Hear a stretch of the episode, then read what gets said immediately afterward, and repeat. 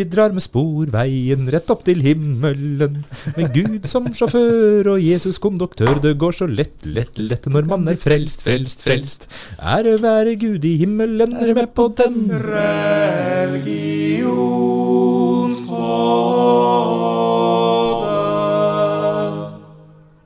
Hei, hei. Velkommen til eh, nok en episode av Religionspodden. I dag skal vi snakke om eh, frelse. Og eh, er dere frelst, gutter? Um, Mm, Nei, jeg, nei jeg synes det, er, det er et veldig stort ord. Det er litt som uh, å elske noe. Det er noe man forbeholder Jeg forbeholder til eh, relativt få situasjoner og personer i livet mitt. Det å bli frelst?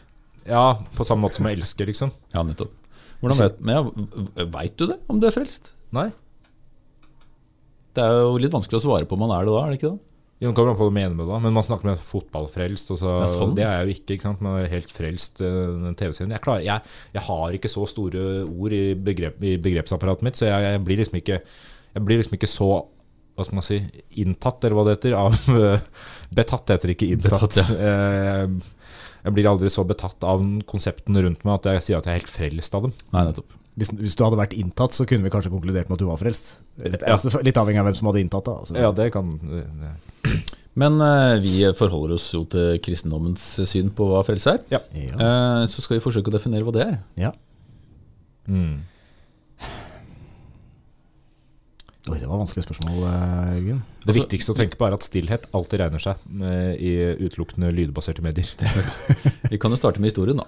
Ja. Ehm, eh, kristendommen, i likhet med de fleste andre regioner, har jo sine myter, sine fortellinger. eh, og ofte er de jo litt metaforiske, hvis man skal se det med et utenfra-perspektiv. Altså de beskriver en slags perfekt tilstand. Mm. Eh, og like fullt også kristendommen. De beskriver jo et paradis. Uh, som man har uh, før uh, måte den, denne delen av verden vi har nå, har begynt. Altså før måte den, den vi lever i, da. Så har man en historie, Edens hage, tenker du på? og Medens hage, ja. eh, hvor menneskene lever i sus og dus. eh, Med boller og brus. I pakt med naturen og med Gud, og alt er fryd og gammen. Mm. Um, og det er bare én regel menneskene ikke kan eh, bryte, og det er å spise fra kunnskapens tre. Og vi veit jo hvordan det går. Eh, og det er, jo, det er jo lett å tenke at menneskene er som barn i denne historien. Fordi det er litt sånn Du får i hvert fall ikke lov til å gjøre dette. Og da går jo menneskene fem på, selvfølgelig, og så spiser de fra dette kunnskapens tre. Ja, men de, er jo, de blir jo frista De blir frista av men noe. noe av en slange, av djevelen. De spiser, Gud blir sint, kaster dem ut. Ja. Og alt etter dette er jo et ønske om å komme tilbake Mm. til paradis. Mm. Og hvordan kom man seg dit? Til å begynne med så må man jo, da, som vi har nevnt i tidligere episoder, da må man jo følge Guds regler. Eh, det funker jo ikke så godt. Men eh, etter at Jesus kommer på banen, så presenterer han en ganske, ganske grei oppskrift, sånn hvis vi skal liksom forholde oss litt sånn eh, i korte trekk, da. Det handler om å tro på han. Tro på Jesus. Ja. For tidligere, før Jesus kom, så var det jo menneskenes avtaler med, med, menneske, med Gud i eh, da, den jødiske tradisjonen. At man fulgte budene, fulgte reglene. Det var ikke så lett, og Gud ble sint og straffet menneskene og tilga dem, og de ble venner igjen. Og så skjedde det en rekke ganger før Jesus da kommer og opphever den avtalen. Og eh, troen da handler jo om å tro på Jesus som en som kan overvinne døden, Mm. og at han har kraft til å gi deg evig liv, og dermed at du kan komme tilbake Ja, til for det er jo en forståelse av frelse, det å overvinne døden. Ja. Frelse fra døden, eller frelse fra det onde. Så hvis du da tror på budskapet til Jesus om at han døde på korset og tok på seg menneskenes synder, og at du angrer og ber om tilgivelse og ber til Jesus, så skal du få tilgang til dette paradiset, da. I grove trekk så, så funker jo den forklaringen. Men jeg tror vi trenger å komme litt lenger ned i materien, fordi det her er jo ikke helt likt eh, i alle kristne retninger. Nei. Det er noen nyanseforskjeller her. Ja, Man er vel Ja. Ja, og særlig da med hensyn til forholdet mellom tro og handling. Og det både, både forskjeller mellom retningene som vi skal se på, og også ikke helt klart innafor hver enkelt retning heller, egentlig. Men altså, når vi først er inne på at det er forskjellige retninger, så burde vi jo snakke litt om hva er det som fører til at ulike retninger innenfor kristendommen oppstår. Ja, Det er jo greit å begynne med, ja. fordi det er jo ikke sånn at eh, kristendommen er én happy eh, vennegjeng eh, der alle er enige om alt. Man eh, har blitt splitta inn i eh, mindre og større fraksjoner da, gjennom de siste 2000 åra. Ja, og Det handler jo om at man ikke alltid er enig om hvordan man skal praktisere troen. Mm. Og dette er jo ikke kristendommen alene om. Det fins jo i alle retninger, alle, kristen, alle religioner, Der, ja. så, så får man splittelser. Ja. Og de fleste splittelsene oppstår um, gjerne pga. karismatiske ledere som sier hei, hei, vi tror ikke på riktig måte. Skal vi gå tilbake til den egentlige troen? Og det er jo det det handler om. Og alle disse retningene som oppstår, de, eller stort sett hevder de jo at de går tilbake til en slags opprinnelig måte å tro på. At den, den, dette er den riktige, den opp, egentlige, det er sånn det var ment å Det være. er artig at jo nyere, jo nyere retningen er, jo eldre mener man at eh, innholdet er. Hvis du skjønner? Så får man gjerne da en splittelse, og så får man noen mennesker som følger den nye retningen, gjerne med med noen karismatiske ledere. Og så, hvis denne retningen eh, vedvarer, og man får på plass en administrasjon og et byråkrati, så kan man begynne å snakke om retninger som overlever da, den første vanskelige formative perioden, og så kan man få ekte splittelser. Noen ganger i varianter av religioner, men til og med også i, i nye religioner. Ja, Ja. absolutt. Så skal vi eh, ta en liten oversikt over hvordan dette foregår i kristendommen. Ja, Hva er de første splittelsene man har? da? Ja, altså Hvis man går helt nederst på, på treet, så kan man jo si at kristendommen er en splittelse fra jødedommen. Ja. At jødedommen er en, et slags stamme på tre, og så kan kristendommen være en gren. For man er enig om mye. Eh, Man deler den gamle skriften, Gamle testamentet. Men troen på Jesus, der er det jo litt forskjeller, som vi har vært innom i en annen Ja. episode her. Og at Jesus er Messias. Dette er jo profetier fra Det gamle testamentet. Og de som tror på at Jesus er denne profeten som skal komme og redde menneskene, de blir kristne. Så her kan vi rett og slett se på det som at jødedommen den bare fortsetter. Den har sin kontinuitet helt fra sin opprinnelse. Men de kristne da tror jo ved Jesu ankomst at ok, dette her dette skiller seg jo da fra de, den jødiske troen, og så oppstår kristendommen som et brudd Ja. fra, fra jødedommen. Men kulturelt sett og sånn, så påvirkes nok også jødedommen delvis seinere av at kristendommen utvikler seg. Men det blir en annen historie igjen. Ja. Uh, Og Jesus er jo da denne karismatiske lederen da, som, som får følgere, og så følger da hans følgere etterkommere, Paulus bl.a., og lager byråkrati, og så får man hjelp av Romerriket, og, og så får man da en etablert ny religion. Ja. Som skiller seg såpass fra jødedommen at man nettopp kan snakke om det. da. Og i kristendommens tidlige tid så er det jo også flere splittelser mellom mange av de små retningene. Noen retninger som forsvinner og ikke fins lenger, andre retninger som blir værende igjen og fremdeles i dag er relativt små i forhold til de største retningene, som vi kommer tilbake til. Eh, Men det er en lang historie med disse splittelsene. Vi kan jo starte på bånn av treets stamme. Hvis man sier at jødedommen er på en måte, den tjukke stammen i bånn, så har man da kristendommen i form av Jesus, og så har man tidlige splittelser allerede fra 40-50-tallet. Det det, det, er jo, er før de siste tekstene i Bibelen er skrevet. Ja, da har man den koptiske kirken. Og den har sitt sete i Egypt, fins fremdeles, eh, og er en eh, viktig gren i afrikansk kristendom. Og så har man litt seinere den armenske kirken, som regnes som den første statskirken. Det er rundt 300-tallet. Det er tidlig. Kjempetidlig. Og dette er jo retninger som de fleste ikke har hørt om engang. Men hvis man drar på ørkenvandring i enkelte afrikanske land, så vil man finne ganske imponerende og stilige kirker som er utrolig gamle. Koptiske. Koptiske kirker. Og så har du selvfølgelig den kryptiske kirke, men det er det ikke så mange som Nei, skjønner. det er morsomt. Det er morsomt. Det. Og så går vi videre eh, til ja, Vi går raskt fram, da. La oss si 1054. 1054, ja. Da Altså et årstall, da. Ikke sant? Da har jo, da har jo kristendommen fått et veldig godt eh, fotfeste i Europa. Eh, I utgangspunktet så er det jo to hovedseter. Vi har ett i Roma, ett i Konstantinopel. Og så oppstår det en uenighet om hvor måte, den, den sentrale eh, makten, den øverste, det øverste lederskapet i denne kirken skal være. Og da ender vi opp med det som, som omtales som det store skisma, eh, kanskje del én, hvis vi skal si det sånn. Fordi du har jo da altså, ikke, ikke nødvendigvis to forskjellige kristendommer tidligere, men to, to ganske tydelig splitta kristenheter, da, for å si det sånn, altså kristne miljøer i samfunn i Vest-Europa og da øst, eh, øst Ikke Øst-Europa, men eh, øst eh, det gamle Konstantinopel, dagens Tyrkia og og de, de, de på det tidspunktet gresktalende områdene der. Da.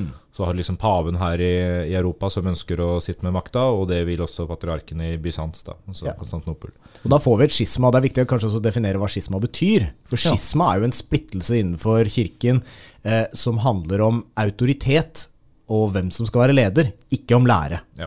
I Så utgangspunktet. hvem som bestemmer. Ja. ja, nettopp. Så det, dette skisma, da. Skisma? Skisma? Skisma. Skisma? Skisma. Skisma? Skisma. Det, det, altså I år 1054 så, får- 1054 så får man da denne splittelsen Mm. mellom det som blir katolsk kristendom, og det som blir ortodoks Ja. Kristendom. Og hva er de egentlig uenige om? Stort Det sett ikke- om det skal være gjær i brød eller ikke. Ja, for det, det virker eh, jo utrolig trivielt. Mm. Men det er rett og slett disse, men det, disse men det, handler om, det handler om en lang uenighet på administrativt og politisk nivå, som også da ender opp med å kulminere i noen eh, noe som høres ut som trivielle teologiske forskjeller. Ja. Som man nesten bruker som argument for å få det til å splittes, hvis du skjønner. Et av, et av argumentene er jo deres forhold til ikoner. For ikoner er todimensjonale bilder eh, som gjen, gjenspeiler da kristent budskap. eh, der man i henhold til troen på eh, Eller eh, åssen man forstår eh, ikonenes opprinnelse, da, er jo at en maler som maler et ikon, har en eller annen direkte kontakt, kall det guddommelig inspirasjon, med enten en helgen eller, eh, eller Gud selv, for å produsere disse bildene. Eh, mens i katolsk kristendom så ser vi at det, der er det mer tredimensjonale eh, malerier, og også en del annen type kunst, som, hvor, hvor den romerske delen av kirken de anerkjenner ikke ikonenes status, blant annet. Så hvis du er en uh, ortodoks kirke, hvis du har vært i det um, Jeg forbinder jo det med, med malerier malt rett på steinvegg. Altså Ja, de såkalte freskene. Men også treplater, for den saks skyld. Ja, nettopp. Ja. Fresker er jo ikke uvanlig i katolsk kirke heller. Nei, det er sant. Fordi i en, i en, kat- en ortodoks kirke da, så har du et litt annet eh, Altså foran alteret så har man noe man kaller for ikonostasen. Det er en vegg eh, med, med ikoner. eh, og så er det to eller tre innganger som presten går ut og inn for å da gå inn til, eh, til eh, alteret og gjennomføre en del ritualer som ikke er synlige for menigheta. De er mystiske. Um, mens det, den ikonostasen ser man jo ikke i, i romersk-katolske basilikaer, f.eks. Så, så den er rett og slett bak veggen. Ja. Det er ganske stilig. Så den er ikke offentlig tilgjengelig. Nei. Ikonostasen. Nei, alteret. Ja, Alt er ja, hvorfor ikke? Ikonostasen ser man. Nei, det, er- det, er noe med den her mystikken, da. Eh, Jeg, jeg er litt eh, usikker på akkurat det Skal ikke være tilgjengelig, der, tilgjengelig, på en måte? Nei. Det skal, Gud, eller måte Presten er jo det bindeleddet mellom menigheten og, og, eh, og Gud som, eh, som eh, ja, skaper den Og vi, mystikken. og vi kommer dit eh, straks, men vi kan jo ta de katolske kirkene nå, da. De er jo også rimelig utsmykka. Ja. Ganske betydelig. Um, eh, jeg, jeg tenker jo på eh, Peterskirken først og fremst, da. Når du har eh, den store, store takmaleriene i Det Sixtinske kapell og Michelangelos mesterverk. Og det, er, det er mye fokus på billedskjønnhet. da. At man skal um, forsøke å skape en, en illusjon, eller ikke en illusjon, men, men en slags følelse av at menneskene er inne i noe som er veldig stort og veldig mektig. ja. Um, som jo skiller seg ganske fra den typiske norske kirke, hvis det er lov å si. Hvis dere har vært i norsk kirke og sett hvordan taket ser ut der, så er det gjerne ikke Nei, Det altså er ikke hvis, helt- Det er det ikke så grandiost. Altså Hvis uh, Michelangelo hadde vært eh, protestant, så ville han malt det taket hvitt og med rulle.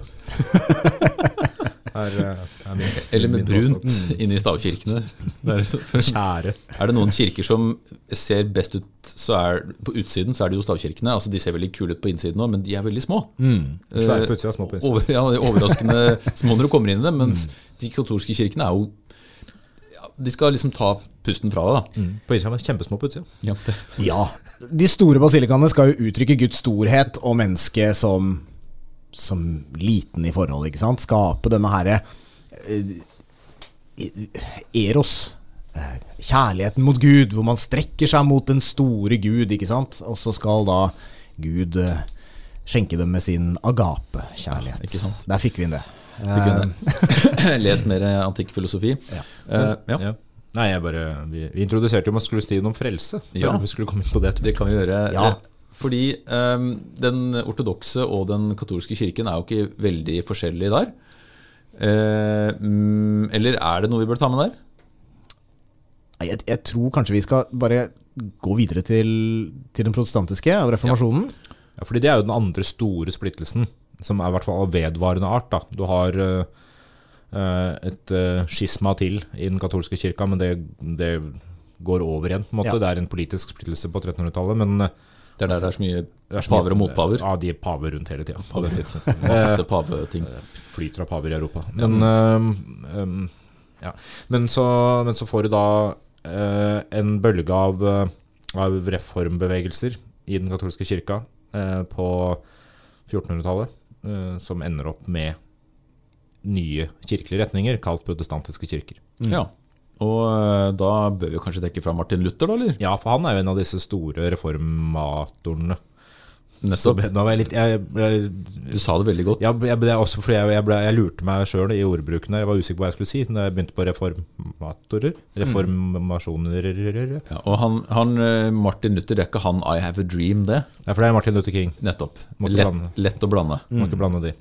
Uh, Ja, hvem var Martin Luther? Han var uh, tysk uh, munk, Mm. uh, prest, som etter av diverse grunner blei sendt for å undervise. Og begynte å skulle da gå litt mer i dybden på sin egen teologi på et eller annet vis. Og, i sin lesing og sine studier reagerte han mer og mer på pavekirkas eh, tolkninger av de hellige tekstene. Nå, nå, dette her er litt rart, vi skal ikke snakke så mye om retninger, men det er, det er, en, det er viktige ting som, har, som har med frelse å gjøre. Og det handler jo også om at eh, det var ikke nødvendigvis så vanlig for folk flest å lese Bibelen. Fordi folk flest kunne ikke latin. Eh, det var ikke nødvendigvis sånn at alle munker leste så mye i Bibelen heller. Jeg tror nok mye av budskapene ble overlevert muntlig fra abbed og nedover, og fra prest til folk.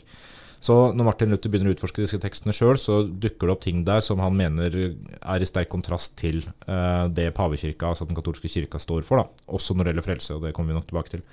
Men, uh, men han, uh, han reagerer på dette her, begynner å vil få, få gjennom noe endring i den katolske kirka. sender sine klager og anklager til pavekirka, men blir ikke møtt med spesielt mye gehør. Og det er også litt av problemet. Pavekirka vil jo ikke høre på den, fordi de vil jo beholde sin, sine tolkninger. For det, det, det er jo ikke bare Det handler jo ikke bare om tro her. Nei, det handler mye om politikk. Det handler mye om politikk og makt. Og, den katolske, ja, og den katolske kirken er jo en betydelig maktfaktor i middelalder-Europa. Ja. Uh, på, lin, ja, på linje med flere av keiserne. Og det er jo klart at de har jo ikke noe stor interesse av at det kommer en munk og forteller dem at de praktiserer dette på en Nei, gal måte. Særlig, særlig fordi en del av det han sa, var at man skal slutte å kreve penger av folk for, for å oppnå frelse, da, eller man skal slutte å uh, ja, være så opptatt av det jordelige penge, pengeopplegget, eiendommer osv. Ja, fordi en av, en av systemene som den katolske kirke praktiserte, det var denne, denne avlatshandelen, hvor man kunne kjøpe seg mindre tid eller i skjærsilden, som var en slags sånn ventestasjon før du nådde frelsen. Eh, og hvis du betalte penger gjennom avlatsbrev, så kunne man forkorte tiden. Og det kunne man også gjøre for sine avdøde slektninger. Så dette var jo en, en måte å tjene penger på. Som, eh, som førte til at eh, Man hadde på en måte ikke noe reelt valg heller.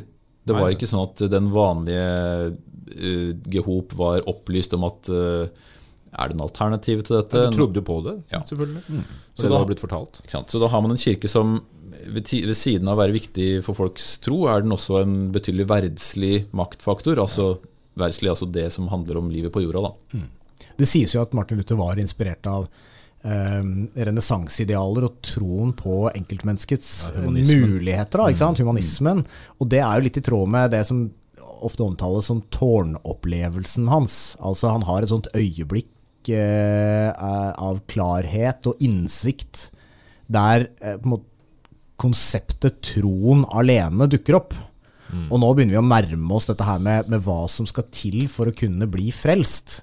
Fordi eh, nå har vi jo snakket om avlat, men, men vi har jo også en rekke andre aspekter ved katolsk kristendom som er veldig knytta til ritualer. Ja, fordi på den ene sida så er jo det gjennomgående i all kristendom at troen på Jesus skal gi deg frelse. Men hvordan denne troen skal manifestere seg, det er jo litt forskjellig. Og I den katolske kirka så har man jo alltid vektlagt sin egen posisjon i rollen som mellomledd da, mellom Gud og menneske, også i frelsessyn. Eh, og Dette her har jo å gjøre med at de, de sporer seg tilbake til den første paven, Sankt Peter, og, og da i utstrekning til Jesus, og tenker at det er de som er de eneste som er skikka til å tolke dette budskapet riktig. og Derfor må de også veilede menneskene. Så når folk skal be om tilgivelse for syndene sine, til syvende og sist for å oppnå frelse, så må det gå via kirka. Det er det som kalles den apostoliske suksesjonen. At eh, den kirka er liksom bare en arvtaker etter apostlene. da. Ja, fordi man mener at det er en ubrutt linje mellom Ja. paven og Jesus. Ja. Den måte gått fra person til person. Ja. Og der er Derfor også valget av paven gjennomføres av Den hellige ånd. Eh, gjennom kardinalen og sånn, fordi det er, han er Guds stedfortreder. Og når du har det synet, så, så, er du, så gjør man seg selv da til et viktig mellomledd. Så folk som eh, trenger tilgivelse, eh, søker frelse, eh, de går da til kirka og gjennomfører f.eks. en rekke kirkelige handlinger. Ja, og bl.a. skriftet, Ja. som Ja. kanskje er den eh, viktigste for å oppnå frelse. Og da, da har man den klassiske boksen, hvor man sitter eh, i og snakker med presten og spør om tilgivelse for sine synder. Og nettopp det at man spør presten, er jo det sentrale her. Ja. At man, snakker, man folder ikke hendene på sengekanten hjemme, det gjør, gjør man kanskje også. Men, eh, man, men når, det, når det handler om å få tilgivelse, så må man innom presten. Ja, for det, det innebærer jo også en slags botshandling, for presten Ja. ber deg gjøre noe. Eh, også for at denne her tilgivelsen skal bli fullbyrda. Det kan være å be en eh, x antall eh, bønner av eh, en eller annen art. Så når, så når Martin Luther reagerer på at ehm, eh, på dette mellomleddet og det at det også kosta penger å få denne tilgivelsen, så er det ikke bare pengene han reagerer på. Han reagerer på hele det konseptet med at, at kirka i det hele tatt må være mellomleddet. Ikke sant? Eh, så, så det er en av de store forskjellene, men det, vi kan vel kanskje ta protestantismen litt mer etterpå, og så heller fokusere på katolisismen først. Men hvis vi går tilbake til hovedspørsmålet, her, hvordan blir man frelst? Så er jo svaret litt sammensatt. Eh, Du må tro på budskapet, Ja. men du må også handle. Du må gjennomføre de syv sakramentene, altså de syv eh, kirkelige handlingene. Hellige Ja. handlinger.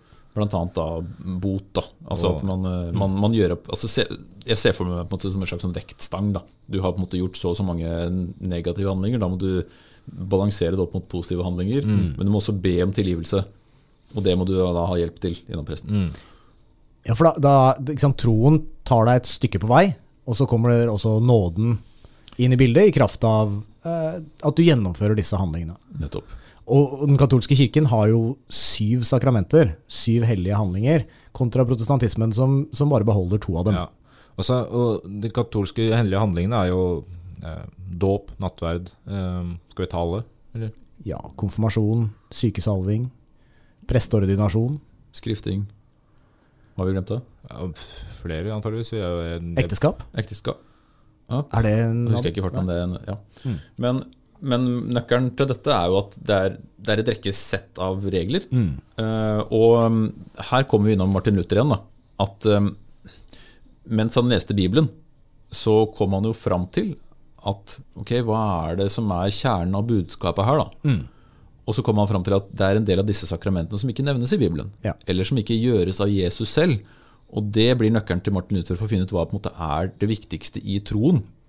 Og så ender han opp med å kutte antall sakramenter fra sju til to. Ja, og da Da- beholder han Dåp og nattverd. dåp og nattverd. Og dåpen fordi at det handler om å måtte ta imot Guds ord og bli en medlem av kirken. Og nattverden fordi det er en handling Jesus også gjorde selv, og som et tegn på at man uh, måtte blir i ett med Jesus sjel i, i legeme og blod. Da. Han lar seg døpe, og han, og han innstifter nattverden. Ikke sant? Og, da har du, og da har du en kobling til, til disse sola-setningene som Luther kommer med, altså alene-setningene, som vi sier det på norsk. da. Troen alene skal gi deg frelse, eh, men også Skriften alene, altså sola scriptura, og nåden alene, sola gratia. Og så har man slengt på et par andre seinere. Eh, sola ja, eh, Jesus Kristus alene og Gud alene, for å minnes, minne på at de, de er en sentral del av det. Men for å sitere mormora mi, eh, som en gang sa noe en prest hadde sagt til henne, at det er bedre å, i protestantismen altså bedre å sitte på fjellet og tenke på Gud enn å sitte i kirka og tenke på fjellet. Eh, og det, og det, er, det, det sier litt om forskjellen på katolsk og protestantisk, sånn ved første øyekast i hvert fall. Eh, frelselære i det at din egen eh, ditt eget ønske og din egen kobling til det guddommelige er det som skal gi deg frelsen da, i protestantismen, ikke nødvendigvis det du gjør i kirka. Nei. Og Luther forsøker jo å skrelle vekk mye av det som har fulgt den katolske kirke som tradisjoner. At vi, vi gjør det sånn som vi alltid har gjort det, og så går han da til skripten, eller sola scripto, eller alene, Ja. sola fide, som i hva er, det, hva er det man trenger for å bli frelst? Og så finner han ut at det er mindre enn det den katolske kirke påstår. Ja. Og da er jo en av de tingene da, at man trenger jo ikke dette mellomleddet mellom menneskene og Gud. Man kan be til Gud Ja, og, selv. og fra et sånt kirkepolitisk perspektiv så svekker det jo selvfølgelig kirkas rolle drastisk, men det gir også folk en mulighet til å, til å oppnå denne frelsen, da. Uten, å, uten alle de kompliserende forholdene det er å gå via kirka. Men det gir jo også mennesket et langt større ansvar, kanskje. For hva er det det krever av deg eh, hvis du skal forstå teksten, f.eks. fullt ut? Det krever at du må lese Bibelen betraktelig mer enn du trenger i katolsk eh, kristendom, tradisjonelt. Det krever jo også at du må forstå det som står der. Og, og når man snakker i dag om at man skal forstå Bibelen, eller forstå det man leser, så er det for folk flest ganske vanskelig å sette seg inn i hvor vanskelig det må ha vært for folk som levde på 1400-tallet, eller 1500-tallet, som for det første ikke kunne lese i det hele tatt, og i hvert fall ikke lese et språk de ikke kunne. Ja. Latin eller gresk, da. Så når Luther får oversatt Bibelen, eller oversetter Bibelen til, eh, til tysk, og får god- hjelp av Martin, eh, Martin unnskyld, Johan Gutenberg, som oppfatt uh, boktrykkerkunsten, eller potettrykkerkunsten, som en elev av meg sa en gang. En feiltakelse. Så, så det er eh, morsomt for øvrig. Ikke potetgull han mente. Ja, eh, så, så er det så, så gjør jo det her eh, troen mer tilgjengelig, men, men samtidig, ass, det, er ikke, det er ikke sånn at eh, det automatisk blir lettere å oppnå frelse i protestantismen enn i katolisismen hvis man, hvis man legger hele ansvaret over på deg som individ. Da. Nei, for Noe av styrken i den katolske kirkens organisering er jo nettopp denne her kirken med stor K. Altså eh, samfunnet, det kristne fellesskapet, som sammen har en felles forståelse av ting. Og Det, det er jo litt interessant også å se det i lys av at den katolske kirken den vokser jo i antall medlemmer, mens den protestantiske eh, tilsynelatende eh, synker i medlemstall. Da. Ja, og splittes opp i langt flere retninger, mindre marginaliserte retninger. Noen som bare kalles menigheter eller sekter, eller eh, retninger som ikke engang defineres som kristne lenger. Og de igjen har jo sine andre frelsesperspektiv, eh, fordi det er opp til individene å tolke det. Um, men, eh, men kreves det ikke noe handling i det hele tatt da, i protestantismen for å oppnå frelse? Er det bare troen alene, eller å lese teksten? Det er det man ofte spør seg om. da Om eh, ja, men det høres så lett ut. Jeg skal bare tro, og så kan jeg gjøre det jeg vil. Ja, Vi har vært innom de tidligere episoder òg. Kan du overse alle budene? Kan du herje rundt som en eh, cowboy i fylla og ikke bry deg, og så bare be om tilgivelse sjøl uten å gå til presten engang? Hvis man skal svare som en teolog, da eh, hva, vil, hva kristendommen selv vil hevde er en riktig livsførsel, så er det at man skal leve et liv i Jesu bilde. Um, og ikke nødvendigvis um, Det er ikke det at hvis du gjør feil, så er du fortapt. Men, men det handler jo om det genuine ved å be om tilgivelse da, og angre på sine synder. Og hvis du angrer, så skal du få tilgivelse. Det er jo budskapet her. Men det å angre, det er jo litt mer enn den setningen 'unnskyld', Ja, eller ordet, som det jo faktisk er. Eh, Men 'jeg ber om unnskyldning', eller 'jeg kan jo tilgi meg'. Det handler om en genuin, et genuint ønske om å faktisk ville gjøre noe annet. da. Ja. Dette her er jo forklart i Bibelen, og, der, og i Bibelen flere steder. Og dette her ser du jo også i nettopp det at mennesket skal tolke tekstene, ifølge Martin Luther. da, At du, du leser La oss si den bortkomne sønn, da, eller sønnen som kom hjem, eller hjemvendte sønn. Eh, Kjært barn har ja, i hvert fall de tre navnene. Eh, som handler om eh, denne sønnen som drar fra sin far, bruker opp alle penga hans, eh, spiller bort alt sammen og, og lever et usedelig liv, mens den andre broren er hjemme hele tida. Sønnen kommer tilbake igjen eh, og angrer, ber om tilgivelse og sier jeg er klar, jeg kan jobbe som slave for deg, og jeg skjønner at du ikke vil ta meg inn igjen. Men faren sier at nå er det fest, for nå er sønnen vendt hjem igjen. Broren er sjalu. Eh, fordi han jo har vært der hele tida. Men det er noe i den, den genuine angeren som er større nesten enn å ha vært til stede hele tida. Det, det, det krever mer av et menneske å tørre å innrømme at man har gjort noe feil, eller gått i feil retning, og så komme tilbake igjen. Budskapet kan tolkes i flere retninger. Både på den ene sida at vi mennesker skal tilgi hverandre, men også at Gud står klar til å tilgi menneskene da, hvis, man, hvis man ber om det. Ja, for uttrykket, altså, uttrykket man, 'man gjør så godt man kan med det man har', syns jeg er litt sånn passende i den konteksten her. Fordi eh, sønnen som da kommer tilbake igjen, han han får jo en innsikt, og han, han har en genuin anger. ikke sant? Men, men hva er det som da skjer med sønnen som har vært hjemme hele tiden? Han gripes jo av misunnelse og, og et slags begjær, som igjen er med på å svekke hans posisjon. da. Og dermed anses han ja, Det er en parallell til Kain og Abel-historien her med, med, med misunnelsen. Ja, og jeg tenker jo på en måte den klassiske sånn, eh, seriemorderen på dødsleiet som angrer og kommer til himmelen. Hvis det er genuin anger, da. Og, og det, er jo ikke, det er jo ikke menneskene som skal avgjøre om det er genuin anger, det er jo opp til Gud. Ja, da, ikke sant? Og i, det er, eh, ikke sant? I den katolske kirka så ser du jo da hvordan også det enorme behovet for å få sykesalvinga hvis du ligger på dødsleiet. Det at en prest skal komme og, og, og ta imot syndene dine, fordi det er nødvendig for å oppnå denne frelsen. Veldig, Så- veldig sånn konkret og Ja, praktisk. Ikke sant? Så du, du er ikke alene om det, du må gå via presten. Eh, tradisjonelt, da. Nå, nå finnes det jo andre muligheter å tolke dette her på også, men, men at, at du for å kunne i det hele tatt vise din anger til Gud, så må en prest hjelpe deg i den prosessen. Det er på en måte veldig pragmatisk, men samtidig helt upragmatisk. At det, det er veldig sånn, Du må gjøre det slik og slik, så går det sånn og sånn. Men det er jo veldig tungvint. Uh, F.eks. hvis du dør i en bilulykke og Ja. ikke har mulighet til å få sykesaling, hva da? Og så blir det et praktisk problem. Tilsynelatende, fra utsiden, så virker det for meg som det er det. Men da må man på en måte håpe på at man har bekjent sine synder, da, og at man har levd livet godt nok. Men, ja, men, For det er en kontinuerlig prosess. men kan alle oppnå frelse? da? Er det ikke noen som stiller seg spørsmål Ville ikke himmelen vært full for lenge siden hvis alle oppnådde frelse hele tida? Det spørs hvor stor himmelen er, da. Eller hva er himmelen? Ja, Det kan man også diskutere. da. Hva er, med det, kanskje. hva er, hva er, hvis- du tenker at Når du først har fått frelse, da, hvor, hvor havner du? Er det et sted? Er det en tilstand? Og det fins beskrivelser av dette paradiset i Bibelen. Og det kan tolkes som, sånn som jeg ser det, da, fortrinnsvis to måter. At det er et slags sånn paradisisk liv, sånn som Allah la Edens hage. Mm, Men samtidig kan det også tolkes hva blir det da, induktivt eller deduktivt, jeg husker ikke. Altså det ut ifra hva det ikke er. Det er ikke smerte, det er ikke lidelse. Ikke sant? Så, så hvis du blir frarøvet frelsen, så er det en slags frarøvelse av, eh, av godhet. da. Det betyr ikke at eh, du kommer i helvete, eller kommer til helvete eh, som et sånt sted for evig pinsel, men du, du går glipp av frelsen. da. Men så har du den tradisjonelle, middelal tradisjonelle middelalderske tolkning av at du, du kommer tett på Guds eget nærvær og får oppleve guddommen eller noe tilsvarende guddommen på en personlig måte. Dette skriver Dante om i sine fortellinger. Eller sin fortelling. Og det, og det, det menneskelige jaget etter å på en måte komme til guddommen er jo noe som, eh, som må være en drivkraft, på en måte. Også sett ut ifra at de, i de situasjonene, de historiene, eller de samfunnene de historiene her har blitt til, tolkningene så har jo folk eh, stort sett hatt det ganske dårlig. Det er sånn Fra et historisk perspektiv greit å se at folk flest før 1900 hadde det relativt ræva eh, i forhold til oss. Uh, Det var, de hadde sykdommer stort sett hele tida, de hadde det vondt, og det lukta vondt, og de hadde mye ull.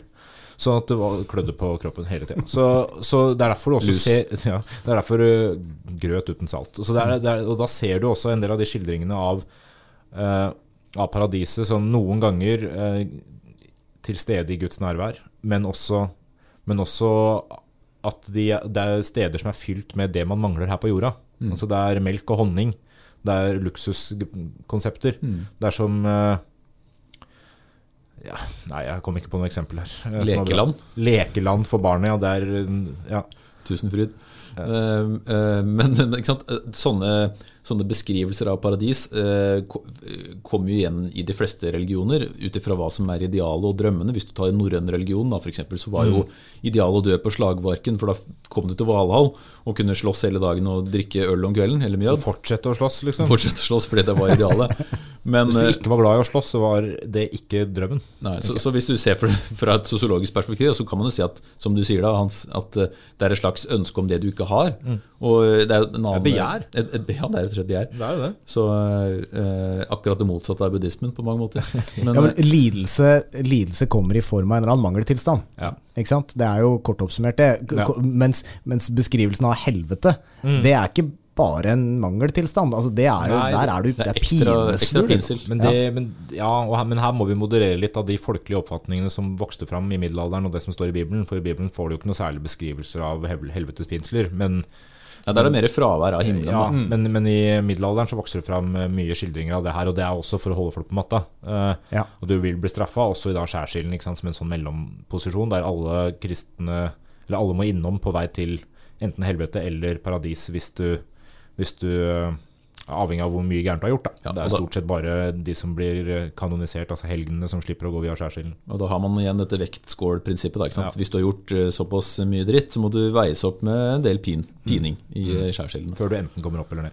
Det er verdt Ja. å si to ord om det du kommer inn på der, Hans, om at eh, det holder folk på matta. fordi eh, ofte så snakker man jo om at eh, Eller det, ofte. Det, er- noen har en oppfatning av at eh, religion er roten til eh, alt vondt. Eh, samtidig så har også religionen religion kan ses på som roten til veldig mye godt òg, fordi kristendommen gjennom middelalderen i Europa er jo med på å gjøre folk mye mer fromme, mye mer eh, ordentlige. ikke sant? Altså Oppfører seg på en måte som vi i dag ville kalt for innafor. Fordi før kristendommens eh, skjerping, eh, så, så oppførte jo ikke folk seg bra.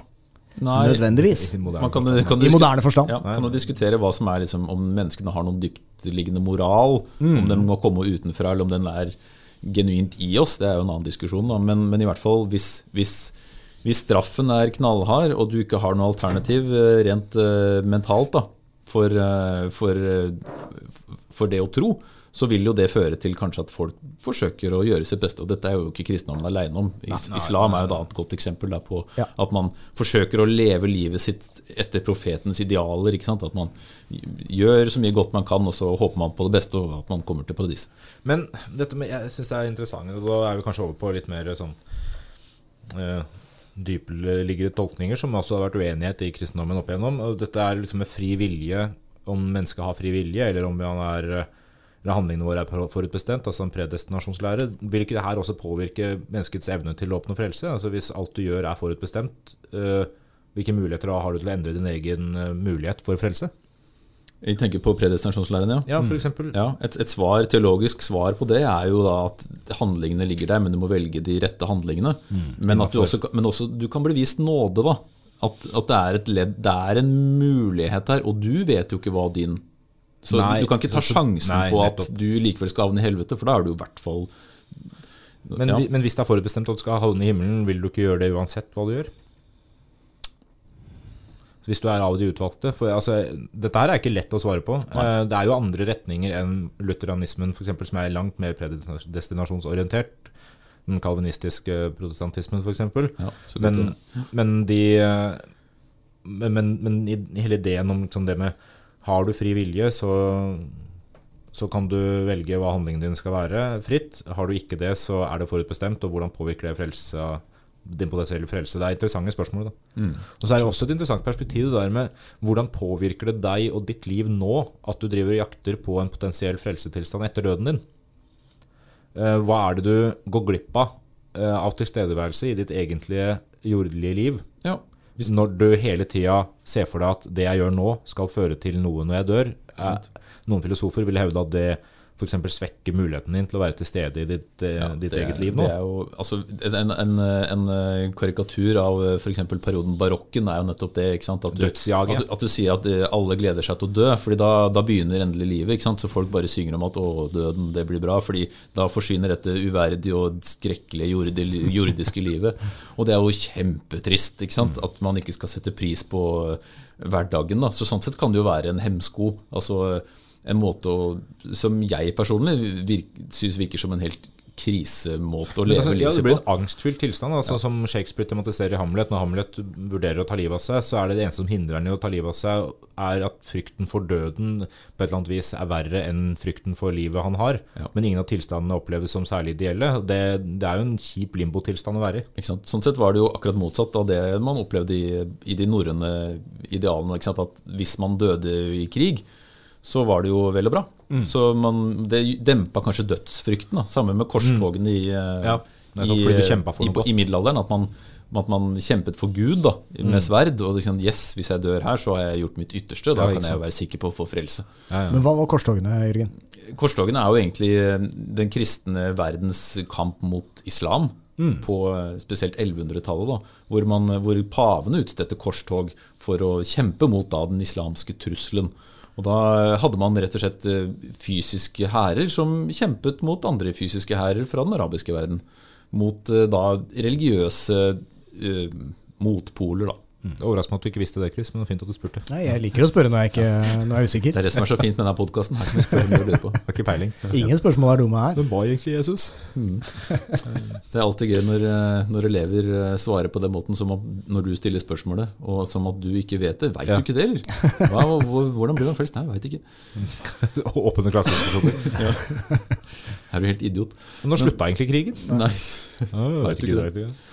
Vi har, vi har snakka en del om forskjellene mellom katolsk og protestantisk kristendom. da. Eh, skal, vi, skal vi prøve å oppsummere noe rundt det? Skal vi prøve å få det liksom litt konkret? Hvordan blir man frelst innenfor protestantismen? Ja. Ja, eh, troen alene. Eh, men også eh, prøve å følge Jesu eksempel. Kanskje fordi å handle etter Jesu bud, som Jesus sier selv, også uttrykker din kjærlighet til Jesus. Eh, erosen. Eller bare en, en annen type kjærlighet. Altså det å være god mot de neste osv. uttrykker noe av troen. Det å tro uten handling er en mindre aktiv tro. Da. Så det, det, å, det å på en måte vise din tro gjennom konkrete handlinger eh, som Jesus ville vært stolt av, for å si det sånn, kan være en tolkning av det. Så det er protestantismen. Hva med den katolske? Den katolske, der handler det jo om tro kombinert med gjennomføring av sakramenter. Gjennomføring av en rekke ritualer som den katolske kirken krever av deg. Og da har vi jo vært inne på bl.a. Eh, skrifte som en av de, de viktige. Ikke sant? Dåp, skrifte, nattverd eh, og, og eh, alle de andre eh, sakramentene. Det kan umiddelbart virke som om det er enklere da, for en protestant. Men det er kanskje ikke så enkelt likevel, hvis man skal Nei. snakke om den genuine angeren. Da.